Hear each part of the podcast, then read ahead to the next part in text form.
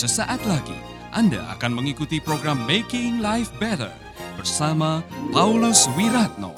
Selama 15 menit ke depan, Anda akan belajar membuat kehidupan lebih baik.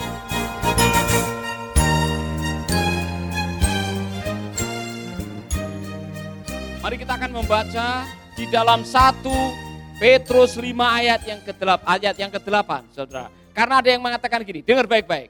Worst of all, negative emotion are Satan's favorite tool. Emosi negatif adalah alat yang sangat efektif oleh setan untuk menjatuhkan saudara. Dengar baik-baik. Emosi negatif adalah jembatan atau pintu untuk setan menghancurkan hidup saudara. Waspadalah. Waspadalah. Saudara bisa membacakan 1 Petrus 5 ayat 8 yang sudah menemukan silakan. 1 Petrus 5 ayat 8, silakan membacakannya.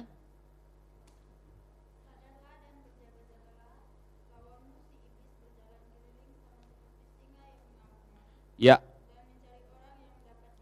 Sadarlah dan berjaga-jagalah lawanmu si iblis berjalan keliling.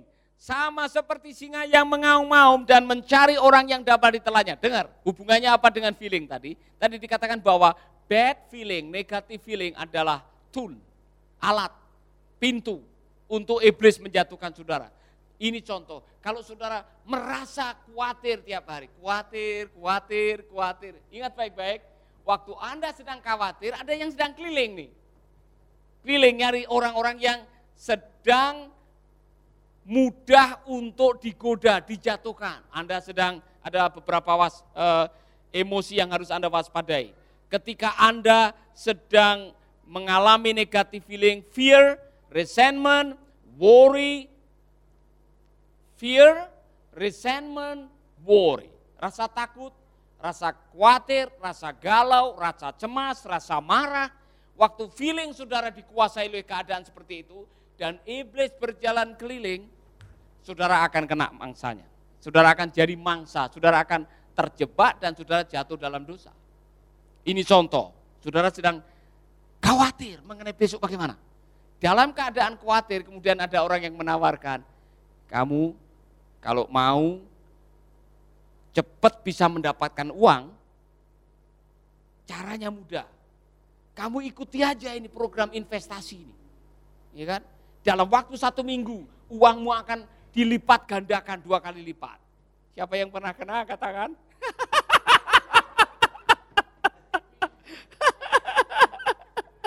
pernah kena. Kan itu terjadi dalam keadaan galau. Itu terjadi kita dalam keadaan khawatir. Dalam keadaan khawatir nanti bagaimana uang saya, nanti bagaimana anak-anak saya, nanti bagaimana rumah saya, nanti bagaimana cicilan saya. Kemudian ada orang yang menawarkan, Anda jadi mangsa Belajarlah, makanya jangan hidup dipimpin oleh feeling. Pelototin mata, uh, pelototin saudara, teman saudara yang ada di samping dengan mata saudara sendiri, jangan melotot dengan mata orang lain. Dan bilang, jangan hidup dengan feeling. Jangan hanya mengandalkan emosi, satu, dua, tiga. Amin. Nah kalau saudara ingin menyenangkan Tuhan tadi dikatakan, hiduplah dituntun oleh roh. God, nah, saya suka ini saudara, dengar baik-baik. God cannot rule your life if emotion rule your life. Wow. Tuhan tidak bisa menuntun hidup saudara kalau selama ini engkau hidup atas emosimu. Tuhan tidak bisa menuntun hidupmu kalau engkau selalu hidup sesuai emosimu. Kalau kau hidup disetir oleh marah-marah, khawatir, fear, takut. Sulit saudara untuk hidup dengan firman Tuhan. Kalau setiap hari saudara cemas, aduh nanti bagaimana, aduh nanti bagaimana, mau ibadah sehari sepuluh kali, saudara sulit untuk menikmati hadirat Tuhan. Karena waktu saudara menyanyi juga, nanti bagaimana kalau saya ibadah ini kemudian ada omikron datang kepada saya. Nanti bagaimana kalau saya pulang kemudian saya ketemu dengan, oh, nanti bagaimana kalau saya, nanti bagaimana. Saudara, orang yang cemas, orang yang khawatir, orang yang hidup berdasarkan emosi sulit menyenangkan hati Tuhan. If you make your decision based on how you feel, then you have made your feeling your God. Wow. Kalau saudara setiap hari hidup dituntun oleh emosi, maka Anda sedang bertuhankan emosi Anda. Catat baik-baik.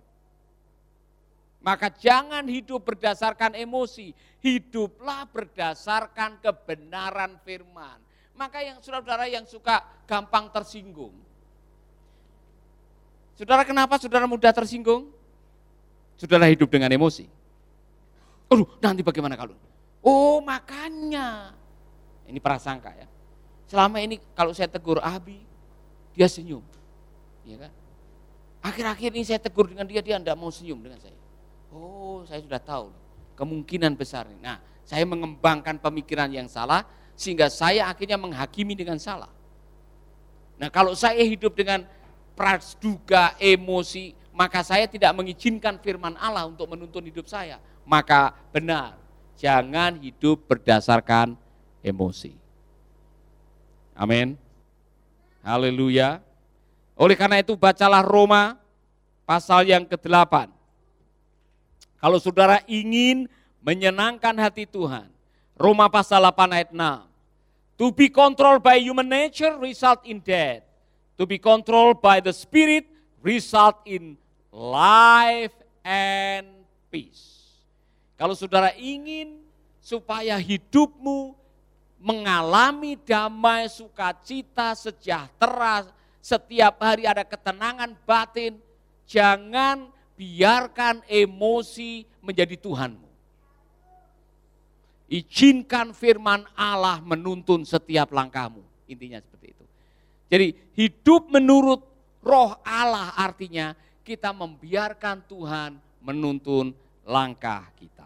Bahkan ada ayat di dalam Amsal pasal 5 ayat 23. Orang yang hidup berdasarkan feeling atau perasaan tidak akan pernah berhasil. Ada yang bisa membacakan Amsal pasal 5 ayat 23? Silakan. Amsal 5 ayat 23. Ia mati karena tidak menerima didikan dan karena kebodohannya yang besar ia tersesat. Orang yang tidak hidup menurut hikmat, hidup menurut feeling, hidup menurut perasaan, pada akhirnya tidak akan pernah berhasil dan ujung kehidupannya apa? Tersesat. Maka saudara-saudara, saya mau mengatakan kepada saudara-saudara, dalam situasi sulit, dalam situasi terjepit, dalam situasi saudara sedang diperlakukan tidak adil apa pun juga, jangan ikuti feeling.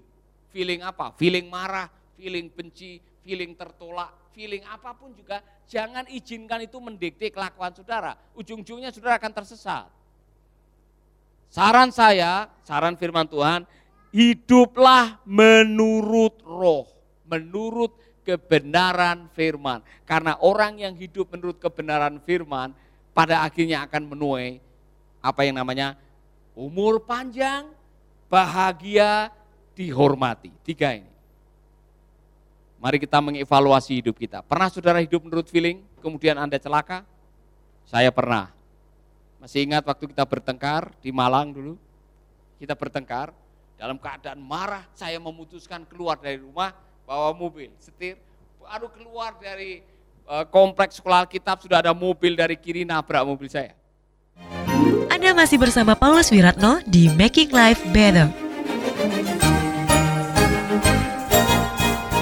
Ketika kita melakukan tindakan-tindakan yang tidak didasari kebenaran firman, tapi semata-mata karena feeling, saudara yang dirugikan. Siapa yang pernah minggat? Angkat tangan. Jujur, Ibu Yaya pernah minggat, Ibu pernah minggat juga. Ini ibu-ibu suka minggat rupanya. Ya. Kenapa minggat? Ya. Ya kan? Kenapa Anda minggat? Menghindari pertengkaran. Ibu Paulus dulu pernah minggat kenapa? Masih ingat? Jengkel dengan suami. Ya kan? Karena suaminya diablek. Ya kan? Bu Devi pernah minggat juga? Pernah. Bu Dewi pernah minggat. Tiga, tiga hari. Coba cek baik-baik, apa yang melatar belakangi Anda minggat? Rasa jengkel, keputusan itu dibuat karena emosi amarah. Ya kan? Sayang sekali saudara-saudara, saya bersyukur Anda semua akhirnya kembali kepada suara firman. Firman yang mengatakan apa yang sudah dipersatukan oleh manusia, eh apa yang dipersatukan oleh Tuhan, tidak boleh diceraikan oleh kemarahan, ya kan? apa yang telah dipersatukan oleh Tuhan tidak boleh diceraikan oleh kemarahan. Makanya balik kan? Ya, apa yang membuat bapak ibu atau ibu-ibu kembali lagi kepada suami? Saya mau tanya ini. Anak yang benar. Firman, Bu Devi Firman. Firman yang mengatakan apa? Yang, ya, yang sudah dipersatukan yang sudah dipersatukan oleh Allah tidak boleh diceraikan oleh manusia atau kemarahan atau apa pun juga. Ya. Oke, itu soal pernahkah saudara membuat keputusan berdasarkan emosi yang sekarang akhirnya disesali? Pernah. Jadi saudara-saudara, kalau mau hidup umur panjang, bahagia, diberkati, sukses, dan pada akhirnya saudara bisa menikmati hidup, hiduplah dituntun oleh roh. Karena apa? Roh itu menuntun kita pada kebenaran. Roh itu menuntun kita pada kebenaran. Maka jangan jangan mengikuti suara hati. Misalkan, misalkan ini, saudara dikhianati orang, ya kan? Dan orang yang mengkhianati saudara itu suka baterek-baterek. Tahu baterek? Ya kan? suka pamer di depan saudara, ya kan? Kemudian saudara melihat orang itu, waduh, saudara langsung terbakar emosinya, kurang ngajar, ya kan? Secara manusia, kalau saudara melihat orang yang telah mengkhianati saudara, kok lenggang kangkung, hidup lebih baik, barangkali hidupnya lebih kaya. Secara manusia, feeling saudara mengatakan kurang ajar. Kalau saya tahu dulu saya tidak akan mendoakan dia. Hmm. Kemudian apa? Kalau saya tahu dia akan seperti ini, saya sumpah dia akan mati, busuk, dimakan cacing. Nah,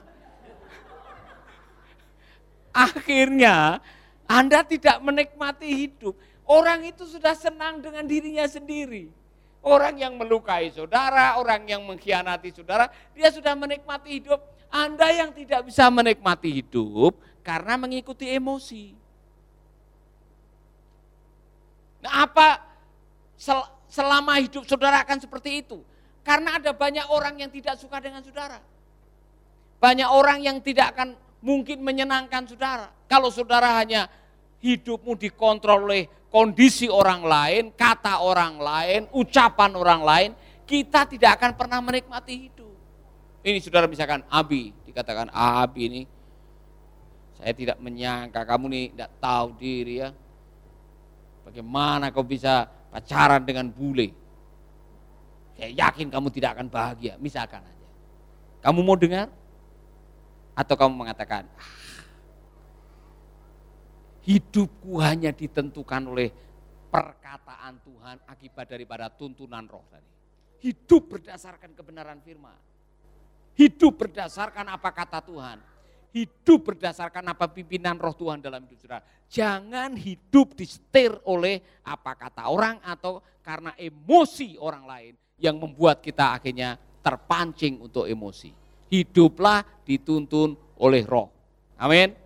Saya mau saudara membaca bersama-sama. Tolong ditayangkan Roma 8 ayat 6.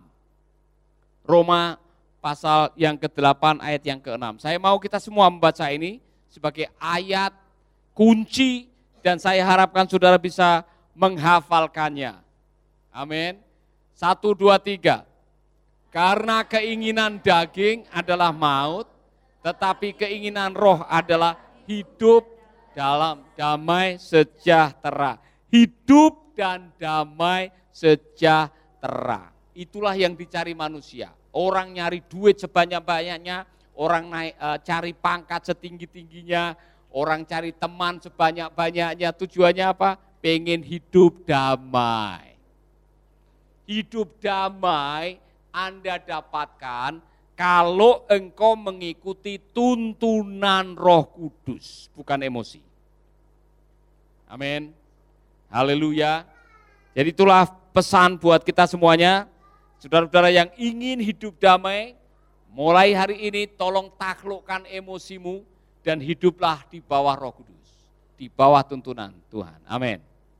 Amin. Kita menyanyikan diberkatilah yang gemar merenungkan firman Tuhan siang dan malam. Nyanyikan lagu ini saudara-saudara. Dan sementara menyanyikan lagu ini, izinkan Tuhan menjamah hidup saudara. Diberkatilah yang gemar merenungkan firman Tuhan siang dan malam.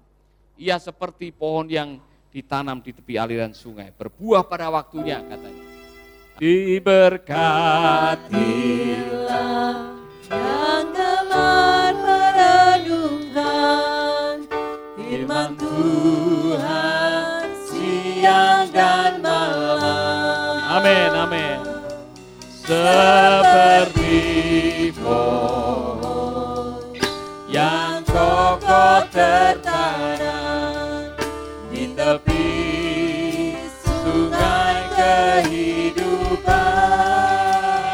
Bapak Ibu Saudara yang setelah mendengar firman ini, Saudara mengatakan, Tuhan mulai sekarang aku mau hidup oleh roh. Hidup, hidup dipimpin oleh roh, hidup mengikuti kebenaran firman, bukan emosi, bukan apa kata orang.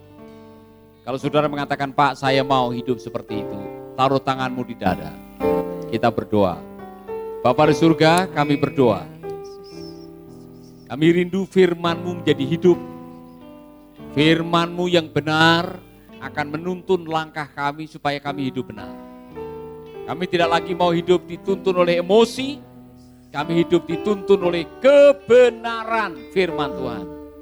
Sehingga kami merasakan damai sejahtera yang sesungguhnya. Terima kasih Bapak, kami menyerahkan saudara-saudara kami. Di dalam nama Yesus kami berdoa. Amin, amin.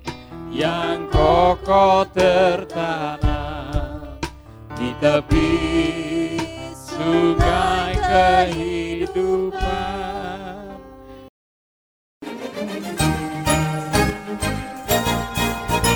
Sahabat, Anda baru saja mendengarkan Making Life Better bersama Paulus Wiratno.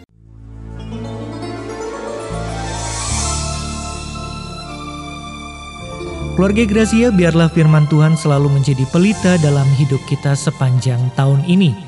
Dengarkan selalu radio Suara Gracia di 95,9 FM, streaming di suaragratiafm.com streaming atau dengan aplikasi Android Radio Suara Gratia yang tersedia di Play Store. Jika Anda diberkati oleh siaran suara Gracia FM dan mengalami kuasa mujizat Tuhan, mari menjadi berkat dengan mengirimkan kesaksian ke WhatsApp Radio Suara Gracia FM di 0817 222959. Biarlah melalui kesaksian Anda, banyak jiwa dikuatkan dan dibangkitkan kembali imannya. Tuhan memberkati.